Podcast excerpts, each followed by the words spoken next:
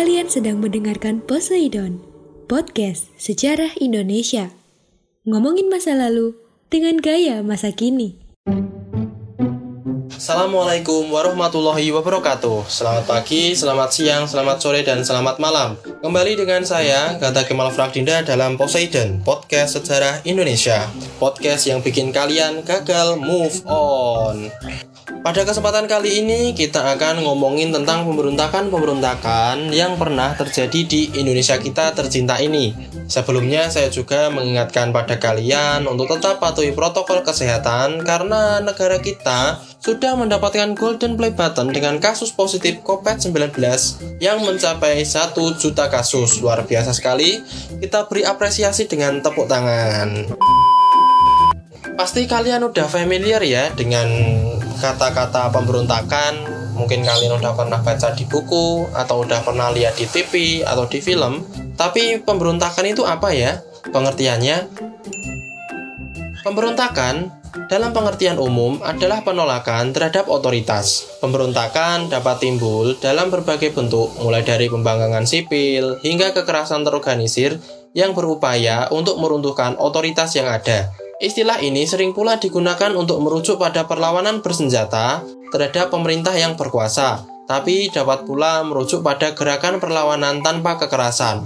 Nah, orang-orang yang terlibat dalam suatu pemberontakan dapat disebut sebagai pemberontak. Tapi ini tapi yang akan kita bahas dan kita review kali ini adalah pemberontakan yang merujuk pada perlawanan bersenjata terhadap pemerintah. Jadi ya tembak menembak gitu ya, saling lempar melempar granat, saling lempar lemparan peluru. Bukan kayak kalian yang baru bisa buat meme presiden. Nah, itu masih sangat subuh sekali.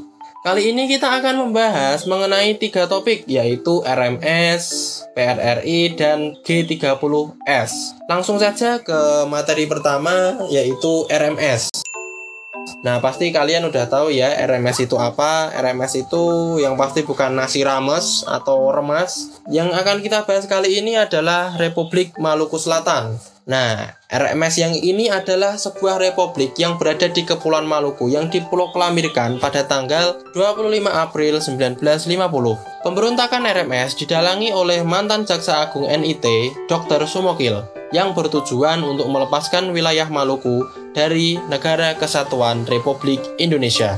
Sebelum RMS diproklamirkan, Gubernur Sembilan Serangga yang beranggotakan pasukan Kenil dan Partai Timur Besar terlebih dahulu melakukan propaganda terhadap NKRI untuk memisahkan wilayah Maluku dari NKRI. Di sisi lain, menjelang proklamasi RMS, Sumokil telah berhasil mengumpulkan kekuatan dari masyarakat yang berada di daerah Maluku Tengah. Pada tanggal 25 April 1950, para anggota RMS memproklamirkan pendirian Republik Maluku Selatan dengan CH Manhutu sebagai presiden dan Albert Wairi Sial sebagai Perdana Menteri RMS. Namun, pada tanggal 3 Mei 1950, Dr. Sumokil menggantikan Manhutu sebagai presiden RMS. Pada tanggal yang sama pula dibentuk pula sebuah angkatan perang RMS dengan Sersan Mayor Kenil DJ Sampson sebagai panglima tertinggi angkatan perang tersebut. Angkatan perang ini tentunya sangat disegani oleh APRIS karena kombatan-kombatannya adalah kombatan yang profesional terlatih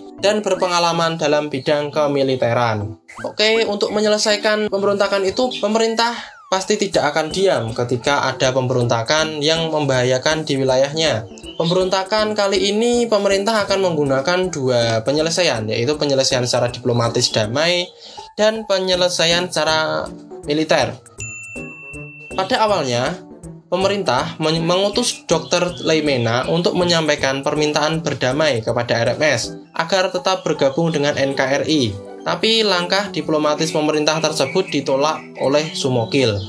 Penolakan ini membuat berang pemerintah pusat yang memutuskan untuk melaksanakan ekspedisi militer di bawah Kolonel Alexander Everett Kawilarang yang dipilih sebagai pemimpin dalam melaksanakan ekspedisi militer tersebut. Beliau adalah Panglima Tentara Teritorium Indonesia Timur yang dirasa mengerti dan paham bagaimana kondisi Indonesia di wilayah timur tersebut. Pada akhirnya operasi tersebut dilaksanakan.